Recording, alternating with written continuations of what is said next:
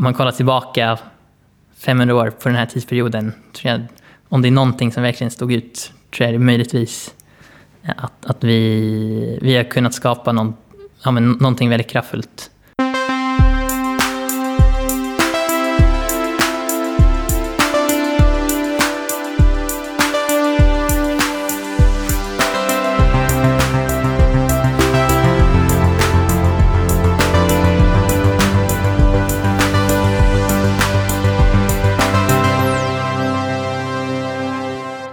Då dundrar vi vidare med eh, podcasten som heter Heja Framtiden. Jag heter Christian von Essen. Eh, sänder från min kitchen studio på Roslagsgatan 23 i Stockholm.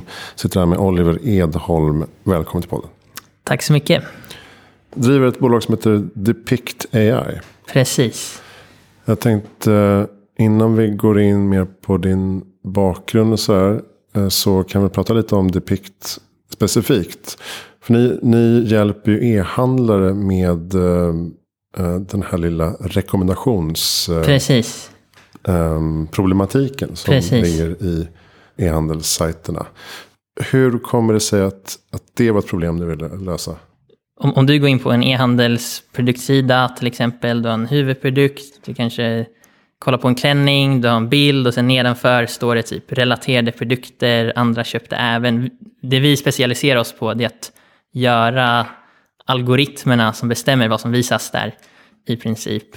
Och om du kollar till exempel på Amazon, eh, de har verkligen blivit duktiga på att göra de här algoritmerna som kan verkligen ta reda på vad är du är ute efter och kunna rekommendera relevanta produkter. Och 35 procent av deras försäljning kan attribueras genom deras rekommendationer idag. Och tyvärr, för de flesta e-handlare så är det ganska dåliga rekommendationer. Så vi, vi har jag, kan, jag pratar gärna liksom hur vi startade bolaget och så, men det vi kortfattat gör är att vi, vi kan göra mycket mer relevanta rekommendationer och eh, det gör vi genom att eh, applicera mycket av den senaste maskininlärningen, liksom senast inom AI, för att inte bara förstå historisk användardata, utan vi förstår också mycket mer av helheten. Vi förstår e-handelsprodukter och vi förstår, genom att kombinera det med användardata så får vi och varför är de här ofta så dåliga?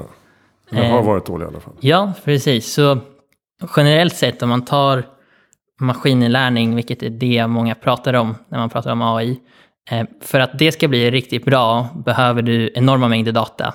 Det är en ganska generell princip. Desto mer data, desto bättre algoritmer får du. Och eh, sättet de här rekommendationssystemen fungerar idag, det är att alla använder sig i princip endast av historisk användardata. Så du kollar på vad kunder som köpte den här produkten, vad köpte de också för produkt, kunder som tittade på den här produkten, vad tittade de på för produkter? Och eh, generellt sett så har e-handlare alldeles för lite av den här datan. Många saker som e-handlare gör, många andra branscher, man försöker applicera de här maskininlärningsalgoritmerna som fungerar kanske jättebra för de stora techbolagen, men när du använder det här, då har du alldeles för lite data och du behöver egentligen ganska enkla lösningar för att kunna göra någonting. Men eh, och hur får ni tag i den eh, datafloden då? Ja, eh, så det, det vi gör är att vi fokuserar inte bara på den här historiska användardatan. Vi, lite på samma sätt som om du går in till exempel i en fysisk hm butik och frågar någon som jobbar där om råd, då behöver inte du hälla i en massa historisk användardata för att den ska ge dig bra rekommendationer, utan den förstår också produkterna som, som de säljer. Och det är det vi har lyckats göra i vår rekommendationsmotor också. Vi använder oss av bildigenkänning, så eh, om, om, vi ser en klänning, då ser vi ja, men vilket mönster det är, vilken typ av stil det är. Eh, och det är någonting som har varit ganska svårt fram till nu. Vi, vi analyserar all text vi kan hitta bakom en produkt, så titel, beskrivning med mera. Och genom att ha så pass mycket mer kontext om produkterna och kombinera det med den lilla användardatorn du har, då kan vi till exempel göra AB-tester där man kan kvantitativt bevisa att försäljningen ökar. Ja, just det. Så att jag, när jag är inne så tar det inte många sekunder för algoritmen att förstå att jag inte är en 50-årig kvinna. Utan, nej, nej, till exempel. Ja, ja, Precis. Och då ska inte jag behöva se blommiga klänningar. Nej, precis. precis. Och det är väldigt ofta att du kan gå in på en e-handelssajt, Du kan hitta väldigt så här, konstiga exempel. Du kan gå in på en klänning och så får jag kalsonger, liksom, killkalsonger. Eller, det är ganska, jag, jag gick in på Elgiganten, jag gick in på en dammvippa och sen till dammvippan fick jag en tvättmaskin för 4500 spänn. Jag fick eh, ett VR-headset för typ 3000 spänn. Airpods fick jag rekommendera till en dammvippa. Så det, det är ganska dåligt som det ser ut idag på många e-handelssajter. Ja, just det. Och det märker man även på, på boksajter. Om, Ah, om, man googlar sin, eh, om jag googlar min egen bok till Ja. exempel. Så så här, den här boken köps ofta tillsammans med Exakt. den här boken om ved. Man bara, fast Om ved. förmodligen är bara förmodligen är det en som har gjort det. Ja, exakt. exakt. Så det, där, det är precis det problemet. Att, ja, men, du kollar bara på historiska användardata. Kunder som tittade på den här, tittar på den här. Nu kanske det är väldigt få liksom, visningar på just den här e-handelssidan. Extremt många läsningar. Ja, Nej, jag men, eh, och då, då, då blir det tyvärr så. Ja, precis. Men, eh, men tycker du som konsument att man ska älska de här algoritmerna? Eller, för de, de bidrar också till att vi köper en massa mer Ja, skit som vi eh, inte vill ha. Ja, precis. Så det som, som jag ser det, det vi hjälper till med är att hjälpa dig hitta rätt produkt på, på din sajt. Eh, Det vi har märkt är att det finns så många liksom andra former av sajter du kan gå upp till. Om, om jag inte hittar det här, då går jag till Amazon istället. Så genom att liksom göra en kundupplevelsen så enkel som möjligt för att hitta rätt produkt, då får du mindre returer för att det är liksom rätt produkt till att börja med och eh, folk stannar på sajten. Det, det är oftast det som är grundproblemet ofta. Ja, just det. Och, och vad, vart är Depict på väg då? Ni har ju tagit in 25 miljoner eller någonting såg jag. Mm. Ja, precis. Från precis. massa tunga namn. Ja, så vi, vi tog in 25 miljoner, det var ett och ett halvt år sedan. Eh, från EQT, eh, Northzone. Sen har vi många änglar också i Sverige. Sen dess har vi växt ganska snabbt. Så nu, nu är vi 28 pers på bolaget. Och eh, vi har ju liksom en produkt som praktiskt ger väldigt tydlig affärsnytta för kunder. Så vi, vi har ganska bra eh, omsättning och växer ganska snabbt. Så det är ganska intressant att ja, men, gå igenom den resan. För I början var det att ja, men, nu måste jag se till att bygga rätt produkt. Då handlar det om kodning. Eh, sen handlar det om ja, men, hur kan vi sälja det här. Jag var 17 när jag startade det här bolaget. Hur, hur ska man sälja en AI-lösning till stora e-handlare? Väldigt krångligt. Och sen investera. Så det är hela tiden nya, nya utmaningar. Så det är ganska, ja, ganska kul att gå igenom den resan. Ja, verkligen. Och du är 19 idag. Ja, nu är jag 19. Ja, När man läser om dig så är det mycket fokus på just ålder och sådär. ja, ja, Man gillar ju den dramaturgin på något sätt. ja Eh, precis. tror jag. Och eh, just att du var så pass ung, 6, 7, 8 år när du började Mhm. programmera. Och eh, sen förstår jag som att när du var 15. Alltså när jag var 15 så drack jag mest folköl och spelade i eh, eh, punkband och sådär. Men Nice. du, du blev någon slags AI-expert vid 15 års ålder. Ja, så, så storyn är väl att jag började programmera ganska tidigt. Ehm, när jag var i högstadiet så det var så här en period där jag funderade, ja, men vad är typ meningen med livet? De grejerna, precis när man kommer in i så här tonårsåldern. Och eh, då uh, läste jag en massa filosofiska böcker. Ingen bok talar riktigt för mig. Sen plockade jag upp en bok som heter Superintelligence av en svensk som heter Nick Boström. Boström och eh, den handlar just om AI och varför liksom, dess exponentiella utveckling kan vara det största sekelskiftet för människ- mänskligheten det här århundradet. Och den boken påverkar mig ganska mycket. Så eh, efter det så bestämde jag att om jag ska bli bäst på maskininlärning och AI. Så jag liksom skippade massa saker på skolan under högstadiet. Jag försökte lära mig allt om det. Och eh, via det, lite tur, så kom jag i kontakt med Klarna sen gymnasiet skulle börja. Och eh, vi hittade ett specialupplägg där jag kunde jobba på Klarna under dagen i ett AI-forskningsteam de hade där. Och sen på eftermiddagen gick jag på ett eh, distansgymnasium. Och sen, sen lär man sig så extremt mycket mer när du faktiskt jobbar istället för att typ, gå på syslöjd eller något. Eh, så jag hoppade av efter ett år. Eh, och det, det var ganska... Jag, personligen så ångrar jag inte det ett dugg just nu, tror jag. Nej, det, det, jag vet inte om det är just om det är extra svenskt att, att uh, lägga så mycket fokus på att du hoppade av skolan. Ja. Alltså, ja, man gör ju inte så. Hoppa Nej. av gymnasiet.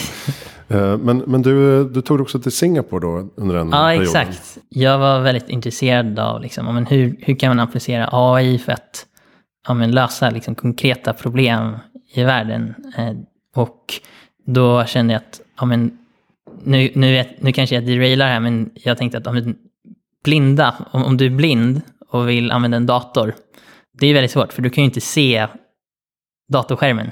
Eh, så det folk gör idag det är att de lyssnar på, det låter abstrakt, men folk, om du är blind så lyssnar du igenom hur webbapplikationer ser ut. Och det är väldigt, väldigt svårt. Och det gör att många blinda och synskadade inte kan liksom kunna jobba i, på, på nätet. Så tanken var att eh, jag fick en idé om att går det att applicera datorseende för att göra hemsidor tillgängliga för blinda och synskadade, helt enkelt. Eh, väldigt specifik idé och sen fick jag för mig att ja, men Singapore, det är bäst ställe att göra det här på. Eh, mina föräldrar var väl inte så liksom, taggade på det, eh, men det jag gjorde var att jag, jag bokade typ en flygbiljett i smyg eh, och eh, drog. Eh, och mina föräldrar är väldigt så här, öppensinnade och då kände de väl att ja, men, Oliver menar ganska allvar här. Eh, jag, drog till, Det får man säga. ja, jag, jag drog till Det, var Singapore. din, det var din lilla revolt. Ja, precis. Och det var egentligen under den tiden jag, för att mest försörja mig, jag, jag liksom, ja men nu ska jag göra saker för blinda och synskadade. Det var, hade ett samarbete med universitetet där, så kom i kontakt med dem. Eh, men det var under tiden så konsultade jag för olika e-handlare och det är väl där idén för Depict börjar komma fram lite. För om man kollar liksom inom e-handel och till exempel, ja, men vad kan Amazon göra? Amazon har lyckats bygga en väldigt framgångsrik organisation som kan applicera AI och maskininlärning på en stor del av deras affärsproblem. Och få, de har väldigt liksom, framgångsrika case studies där det gått väldigt bra. Och det är ganska ovanligt inom AI. Just nu är det tyvärr mycket buzzwords inom, om, inom det här spacet. Och eh, om tio år, när jag kommer köpa något, om jag ska köpa mat från nätet till exempel, jag kommer nog bara öppna min app och sen kommer den här AI veta vad du vill ha. Liksom, den kommer vara så pass smart och ta reda på vad har du köpt tidigare så du märker, ja men Oliver köper mjölk en gång i veckan, han är nog sugen på avokados, oliver och så allting är klart och så tycker man bara på köp. Och det är en ganska fantastisk upplevelse som kommer kräva mycket AI och det vore ju synd om eh, till exempel bara Amazon kan eh, ge det till konsumenter. Och som det ser ut idag eh, så tror jag att eh, de flesta e-handlare är alldeles för efter när det kommer till inte bara AI utan IT generellt sett. Så, Ja, okej. ja. Man använder sig av eh, färdiga lösningar och så kör man Ja, in det. precis. Och, så tanken med Depict liksom var från början att ja, men kan vi inte skapa en organisation där vi får alla e-handlare på ett och samma ställe för att få all data på ett och samma ställe, få tillräckligt med skala för att anställa de absolut bästa inom AI för att kunna liksom, ge ja, men, eh, AI åt alla i princip. Så det är väl tanken från början. Och då startade jag det här när jag var 17. Det var ju en extrem liksom, inlärningsperiod. Vi kom med i något som heter Y Combinator efter ett halvår. Y Combinator är en så stor accelerator i Silicon Valley. Och det var där, via det, som vi reste den här sidrundan på 25 miljoner. Och så har vi fått mer och mer kunder. Det finns många, många större eh, retailers och e-handlare som, som använder vår tjänst idag. Just det. Och, och ni, är ni globala idag eller är det liksom tanken nu framöver? Eh, vi, vi har ganska många globala kunder. Majoriteten av våra kunder kommer från Norden idag. Men, men vi, har, vi har Singapore, vi har USA, vi har UK. Så vi, vi finns på olika regioner redan idag. Jag tänkte hoppa tillbaka lite till Singapore. Jag var där och pluggade nämligen. Mm. Okej, eh, ja. år 2000, 2001. eh, På andra universitetet. the Nanyang Technological Ja, University. Nanyang, precis. NTU. Nice. Och du gick på Nanyang, eller vad säger du gick på National University Ja, of Singapore. exakt, NUS. exakt. Hur duktig är man på AI i Singapore skulle du säga? De är ganska progressiva. Alltså, det var ju, det var ju liksom en stor anledning till att jag ville flytta dit. Eh, jag, jag liksom läste olika ja, men AI-forskningsartiklar och liksom såg typ National University of Singapore. Så där kommer många bra ifrån. Och sen, sen är ju deras eh, government ganska progressiv med att göra satsningar inom det. Sen, sen är inte de så stort land, så om man kollar, det är nog USA som är mest, generellt sett, som är mest framme, men givet deras befolkning är de ju väldigt progressiva. Mm. Och kan ju också peka med hela handen ja, man ska. Så precis, precis. På gott och ont. Ja. Vad ser du för eh, potential nu framöver då, om man tänker 2020-talet, mm -hmm. för um, AI-lösningar som kan främja världens befolkning och mm. utveckling mm. och klimat på olika sätt. Mm. Eh, ser du bra möjligheter där? Ja, jag ser väldigt bra möjligheter. Ehm, jag, tror, jag är väldigt, väldigt positiv kring AI generellt sett. På, liksom, om, jag tror att om kanske om 50 år, i alla fall 100 år, så tror jag mycket möjligt att vi, vi kan nog skapa en artificiell intelligens som blir så pass smart så att den kan skapa en ännu smartare version av sig själv. Och sen helt plötsligt får vi det här, något vi kallar superintelligens. Det är det jag är mest intresserad av egentligen. Sen tror jag under, under vägen så kommer vi definitivt liksom, överallt kunna se AI kunna appliceras på väldigt många områden. Sen kommer det vara det kommer vara hype cycles med det också. Mm. Att det, det har varit, historiskt har det varit många hype cycles inom AI. Men om man kollar på liksom den generella trenden, var, var var vi någonstans för 20 år sedan här? Vad var mänskligheten för 50 år sedan? 100 år sedan hade vi internet nå? Nej, vi hade inte datorer typ 500 år sedan. Så om man kollar på ett lite större perspektiv tror jag att liksom, potentialen är väldigt enorm. Och personligen är väl det som motiverar mig mest, liksom, hur, hur pass kraftfullt AI kan bli på en lite längre horisont. Eh, och sen, frågan var ju, var 20-talet, det är väl...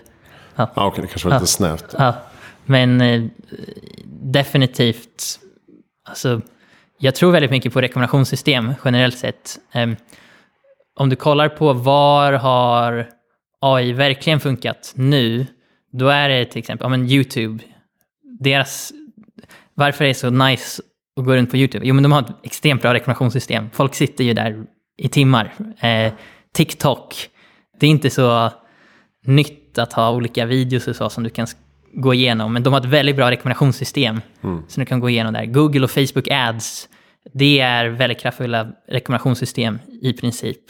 Ehm, så liksom de mest framgångsrika applikationerna idag, där det verkligen funkar, är rekommendationssystem. Och jag tror det finns flera anledningar för det. Eh, en anledning är att med rekommendationssystem så är det inte lika viktigt att du är 100% korrekt kring någonting.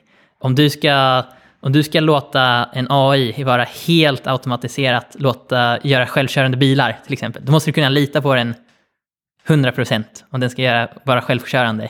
Och det är alltid de här sista procenten som är svårast, de här edge-casen. Eller om du ska helt automatisera att du ska låta AI eh, detektera bröstcancer, ja men då måste du väldigt, väldigt liksom, eh, detaljerad. Men med rekommendationssystem så spelar det inte lika stor roll. Om, om du on average ger bättre resultat, då är det tillräckligt bra.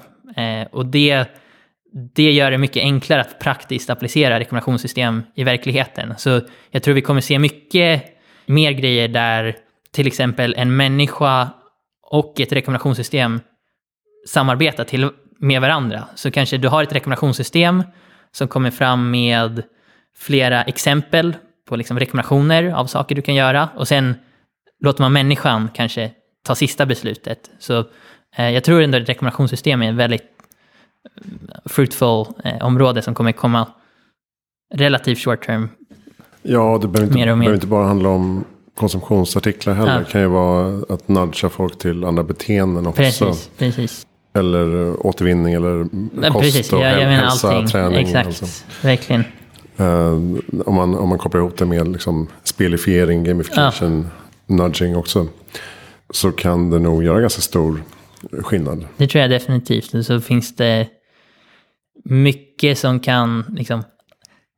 Det automatiseras inte 100% men det automatiseras till 80%. Och sen den här sista 20 procenten kanske man har en...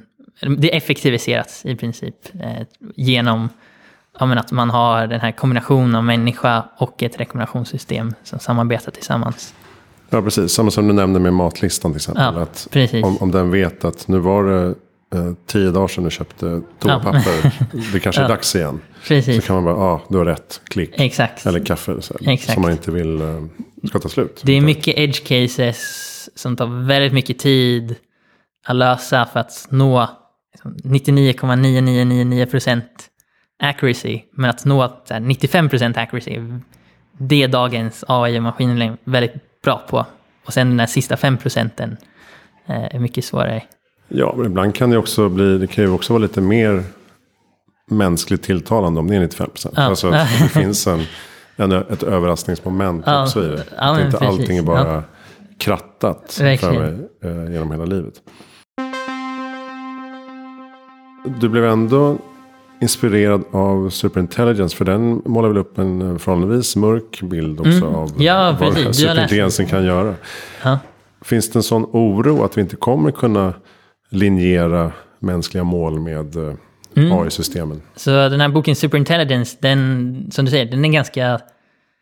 Den är väldigt detaljerad och teknisk på ett visst sätt. Men eh, jag tror slutfattningen, eller the conclusion med den boken är att vi vet inte riktigt hur vi ska få superintelligent AI att kunna samarbeta med människor på det sättet vi vill. Det finns väldigt mycket saker som kan gå fel om vi skapar en sån här superintelligent AI. Och jag tror fortfarande att vi har ingen riktig lösning på det.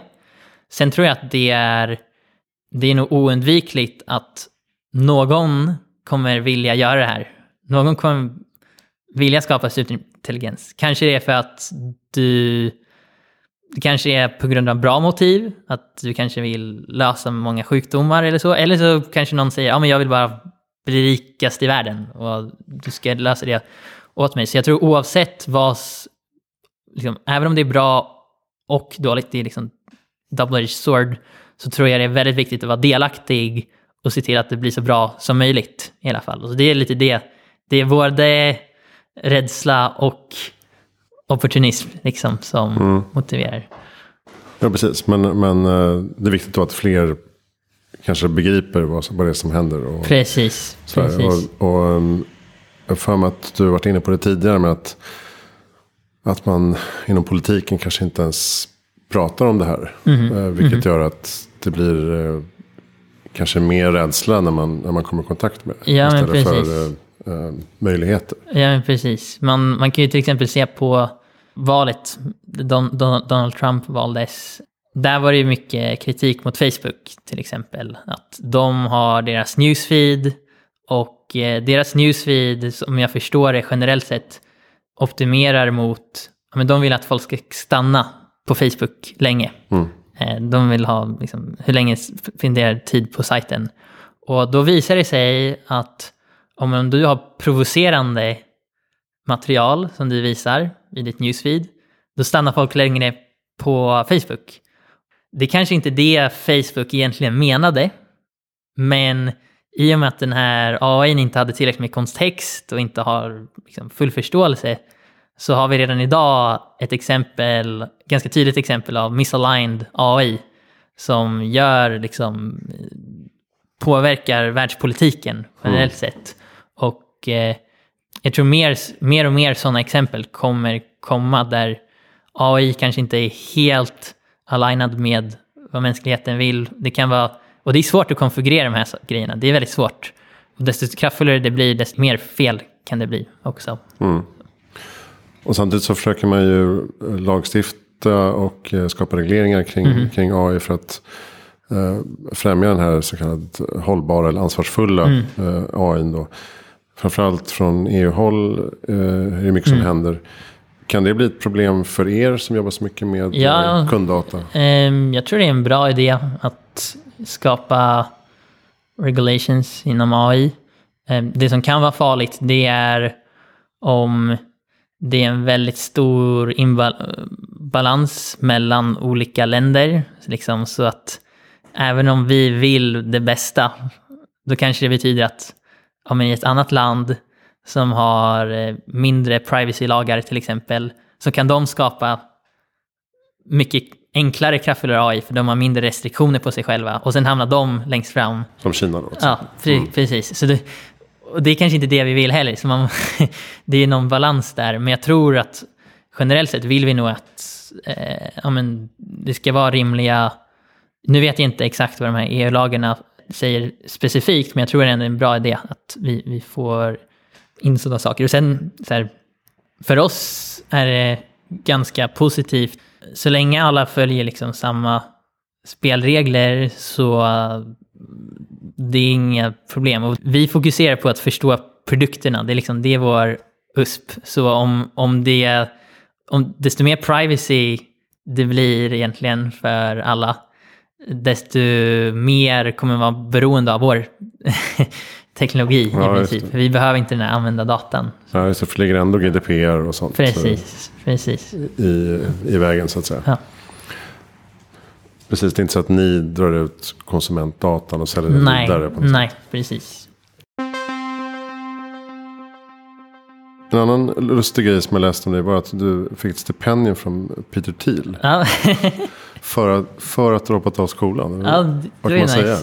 Kan man säga att det var för att du hade hoppat av skolan? Exakt, det var Mest just på grund otippade, av- otippade stipendiet någonsin. Ja, det är på grund av... Så Peter Thiel han har något som heter Thiel Fellowship. Och eh, han ger ut... Eh, varje år ger han ut 100 000 dollar till ett fåtal individer just på grund av att de inte ska gå på college då, eller universitetet. Och eh, det är ju ganska så provokativt. Eh, jag tror anledningen till att han skapar det här är för att visa för världen att det finns ett alternativ. Det är inte bara... Han ger det här generellt sett inom tech. Så det, det är inte så här... eh, Tech, inom tech, om du kan programmera, om du är, liksom vill, om du har förutsättningarna för att eh, starta bolag eller något, då kanske inte skolan eh, är rätt ställe för att lära dig om till exempel entreprenörskap. Det kanske inte är rätt ställe. Så det, det handlar lite om att, jag tror han gör det lite för att visa att det finns ett alternativ. Och för mig så eh, funkar liksom det svenska, jag är väldigt tacksam liksom för det jag har fått av svenska skolsystemet, men för mig funkar inte det helt perfekt heller. Så jag tror det är ganska bra att det stipendiet finns för att visa att det finns ett alternativ. Och den som inte vet Peter Thiel är, han, är, han var med och uh, grundade va, Paypal Ja, exakt. med Elon Musk. Ja, ja. Och eh, han har väl varit inne i Facebook och uh, investerat i Spotify och Ja. allt möjligt. Så han är en sån riktig Silicon. Valley-miljardär. Jag brukar fråga vad är ditt bästa tips för att göra världen bättre i framtiden? Att liksom i vardagen se till att treat each other better. Och via det så tror jag ändå att det är vissa saker, du vill skapa policies på hög nivå och så, men som en individ, liksom att börja litet och se till att i din krets så gör, är du ditt bästa jag, så tror jag det också kan eh, ja, men sprida sig och eh, påverka så. Eh, sen får jag tänka på annars. Eh, jag, jag, tror, jag tror folk inte tänker på ja, men, eh, möjligheterna och risken med superintelligent AI. Det tror jag så här, om det är någonting som, om man kollar tillbaka 500 år på den här tidsperioden, tror jag, om det är någonting som verkligen stod ut, tror jag det möjligtvis eh, att, att vi, vi har kunnat skapa någon, ja, men, någonting väldigt kraftfullt där. En ny livsform då? I princip, i princip. Mm, så du, du eh, tror att det är mer eller mindre ofrånkomligt att vi kommer Eh, dit? jag, tror, jag tror att om vi inte, Singularitet. jag tror om vi inte liksom utplånar oss själva på något sätt, eh, så tror jag att det är väldigt, väldigt möjligt. Även om det är en 50 procent sannolikhet att vi kanske gör det här, det här århundradet. Även med en sån sannolikhet så finns det väldigt starka anledningar till att ta det seriöst, tror jag. Så sen är jag lite agnostisk till exakt sannolikheter, men kanske 50 procent vid 2050 tror jag är mycket möjligt. Mhm. Ja, hur vet man om man har nått dit? Eh, det blir nog troligtvis väldigt tydligt. Troligtvis. Okej. Sättet vår liksom, evolution har fungerat i naturen, den är liksom all, vi har liksom aldrig haft en optimeringsfunktion för att på något sätt bli smartare. Vi har haft en optimeringsfunktion för att reproduce, survive, kunna liksom fortsätta på det sättet. Men eh, datorer, med datorer så finns det inte på samma sätt samma gräns i vad du kan åstadkomma. Du kan, om du kan återskapa en mäns människohjärna i en dator, helt plötsligt så har du, eh, istället för att ha så här långsamma biologiska neuroner, så har du silikon. Och liksom alla de här chipgrejerna som går betydligt snabbare. Människohjärnan är ganska långsam om man kollar på hårdvaran. Där. Så där, helt plötsligt går det, du kan ha en människohjärna men det går tusen gånger snabbare. Den kan köra tusen hjärncykler på samma period som en hjärncykel hä- händer i en biologisk hjärna. Och sen kan du också återskapa det här så att du, du kan, du kan liksom skapa ett helt fotbollsfält av hjärnor. Du, liksom, du skapar en jättemegadator som samarbetar. Så Tilltalande det, ja, det, jag tror att liksom, intelligensen du kan skapa via datorer är otroligt mycket mer än vad eh, biologiska hjärnor har idag. Mm. Men tror du att man kan översätta biologiska hjärnan till data? Skulle man kunna Mm. ladda upp sig själv så småningom? Det borde nog vara möjligt. Eh, så jag ser liksom ingen anledning till att det inte skulle vara möjligt. Sen tror jag det krävs extremt mycket arbete för att uppnå det. Eh, I den här boken Superintelligence, jag tror han kallar det ett connectom. Att man kan liksom skanna hjärnan på väldigt hög precision och skapa en datormodell. Det är ett sätt du kan liksom uppnå en sån här Mm, jag tänker, eller, min invändning brukar vara att hjärnan är inte liksom, det är inte ett mappsystem med, med filer som man kan bläddra i. Utan det är ju liksom det här eh, märkliga synapserna och referenserna som, Ja. som gör mig till den person jag är. Ja, Så frågan är om det går att återskapa. ja jag tror det ändå går. Eh, Jag tror det är möjligt. Om man kollar på hur snabbt... Det finns ju något som heter Moores lag. Att liksom varje år så förbättras eh, beräkningskapaciteten. Nu är det saktat ner lite, men den trenden fortsätter. att liksom, Beräkningskapaciteten av datorer fortsätter att växa år för år. Fördubblas. ja. Ja, precis. Den här trenden har fortsatt under en ganska lång period. Så det finns i närtid ingen anledning att tro att det kommer sakta ner avsevärt. Och eh, om man ex- extrapolerar på det så borde vi ha tillräcklig beräkningskapacitet för att i princip simulera det som sker i hjärnan inom en någorlunda tidsperiod. Mm. Ja, Jag tycker det är bra. Vi kom, vi kom långt här på ja, en halvtimme. Ja. Från e-handel till superintelligens och uppladdning av hjärnan. Har du några bra lästips eller poddtips? Som nu har du redan Mm. nämnt eh, Nick Boström. Ja, jag skulle säga definitivt Superintelligence, Nick Boström. Sen kanske jag skulle tipsa om en podcast. Om du är intresserad av... Jag börjar bli mer och mer intresserad av meditation faktiskt. Eh, mindre relaterat till AI och det har varit ganska... Ja, men, jag tror det är ganska bra för många. Och det finns en podcast som heter Deconstructing Yourself som han, handlar om, man, de går ganska hardcore i meditation, men de gör det på ett ganska sekulärt sätt. Och de gör det på eh, deconstructing yourself. Det är så här ganska techigt sätt att formulera meditation. Så det om, om du är intresserad av teknologi och har ett liksom sekulärt perspektiv på meditation så tror jag den, en podcast skulle tipsa om. Mm. Coolt. Um, jag tänkte en annan fråga. Um, om man är ung idag. Mm. Ska man uh, lära sig uh, AI-programmering? Det är nog en väldigt bra idé. Det är nog Hur, väldigt hur bra. går man tillväga? Ehm, så första steget jag skulle rekommendera är nog att lära sig programmering. Generellt? Eh, ja, exakt. Jag tror, jag tror det är bra att ja, men lär, lära sig programmering först.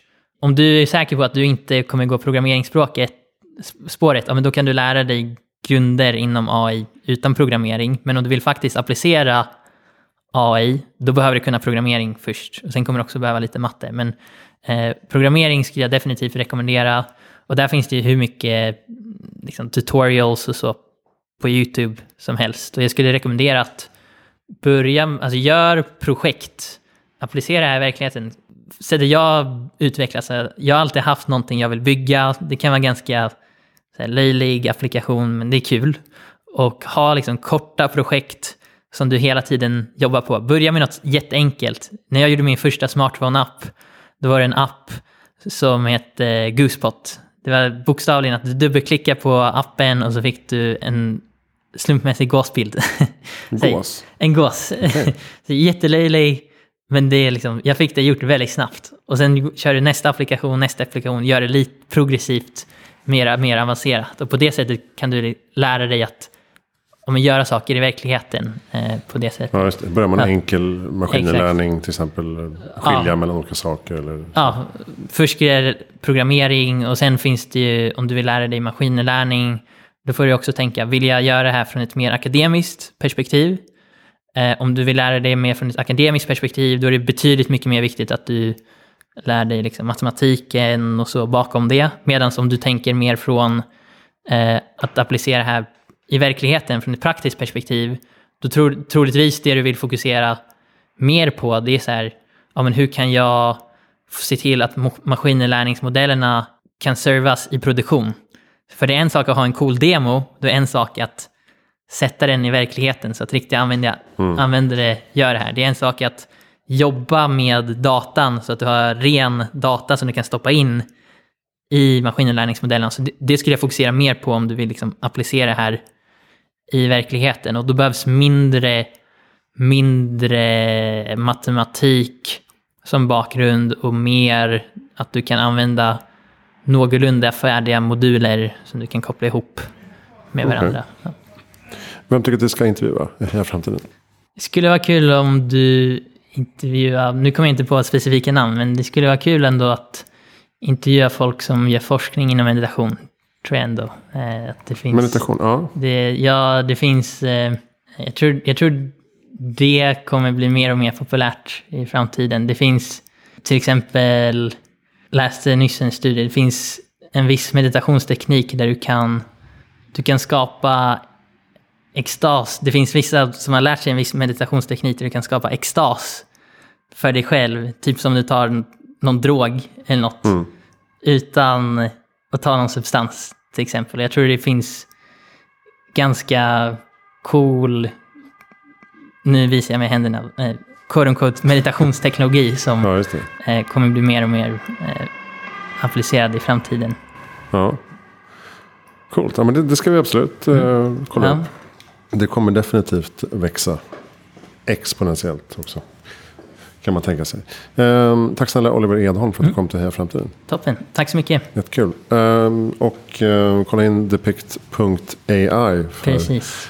eh, att se hur eh, deras tjänst fungerar. Och om du är handlare så är det bara att ta kontakt. Precis. Um, Hejaframtiden.se, där hittar du alla intervjupersoner och eh, mina projekt med eh, magasin, böcker och föreläsningar och så vidare. Senaste boken heter Nu fattar jag, skrev tillsammans med Henrik Smolak från podden Under 15. Eh, som heter Boken som hjälper dig förstå vår digitala samtid och framtid. Eh, kan köpas på Bokus eller på nufattiga.se. Jag heter Christian von Essen, tack snälla för att du lyssnade.